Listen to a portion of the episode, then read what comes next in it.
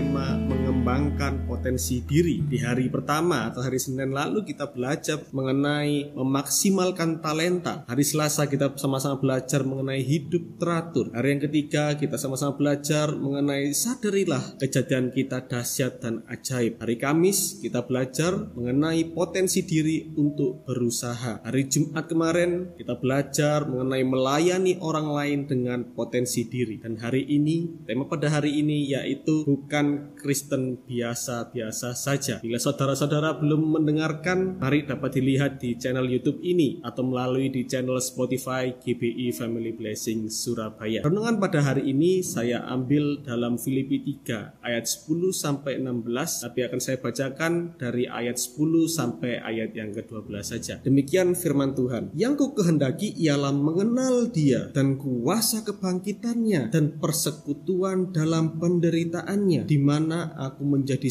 serupa dengan dia dalam kematiannya supaya aku akhirnya beroleh kebangkitan dari antara orang mati bukan seolah-olah aku telah memperoleh hal ini atau telah sempurna melainkan aku mengejarnya kalau-kalau aku dapat juga menangkapnya karena aku pun telah ditangkap oleh Kristus Yesus. Amin. Saudara-saudara yang dikasih Tuhan, hidup ini adalah perjuangan. Perjuangan untuk menjadi lebih baik dari sebelumnya. Perjuangan untuk semakin mengenal cara Tuhan dalam membentuk kehidupan kita melalui cara-caranya yang terkadang tidak pernah kita duga maksud baik Tuhan kepada pertumbuhan dan pembaruan diri kita. Hal inilah yang dipercaya oleh Rasul Paulus ketika dia menjelaskan bagaimana perjalanan hidupnya dalam menikmati proses pembentukan diri bagi masa depan hidupnya. Setelah bertobat dan menerima Kristus, Saulus tidak menjadi pribadi yang biasa-biasa saja dalam kehidupan rohaninya. Ia secara aktif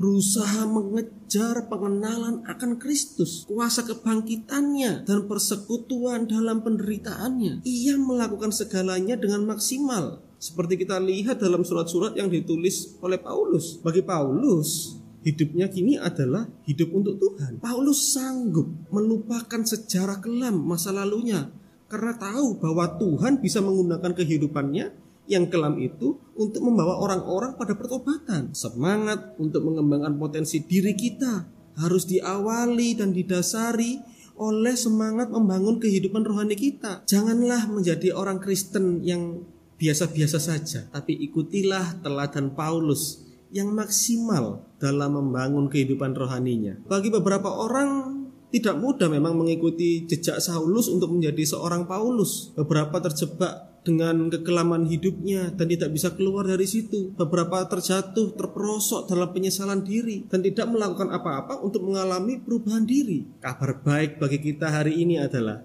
jika Tuhan sanggup mengubah kehidupan seorang penjahat macam Saulus menjadi pekabar Injil Paulus, Tuhan bisa mengulangi hal itu lagi kepada siapa pun di masa kini. Oleh karena itu, untuk dapat mengembangkan potensi dalam diri kita, harus didasari oleh kualitas kehidupan rohani yang tidak biasa-biasa saja. Saat kita memiliki pengenalan akan Tuhan yang lebih dalam, maka kita akan menjadi pribadi yang mampu mengembangkan potensi terbaik dalam diri kita.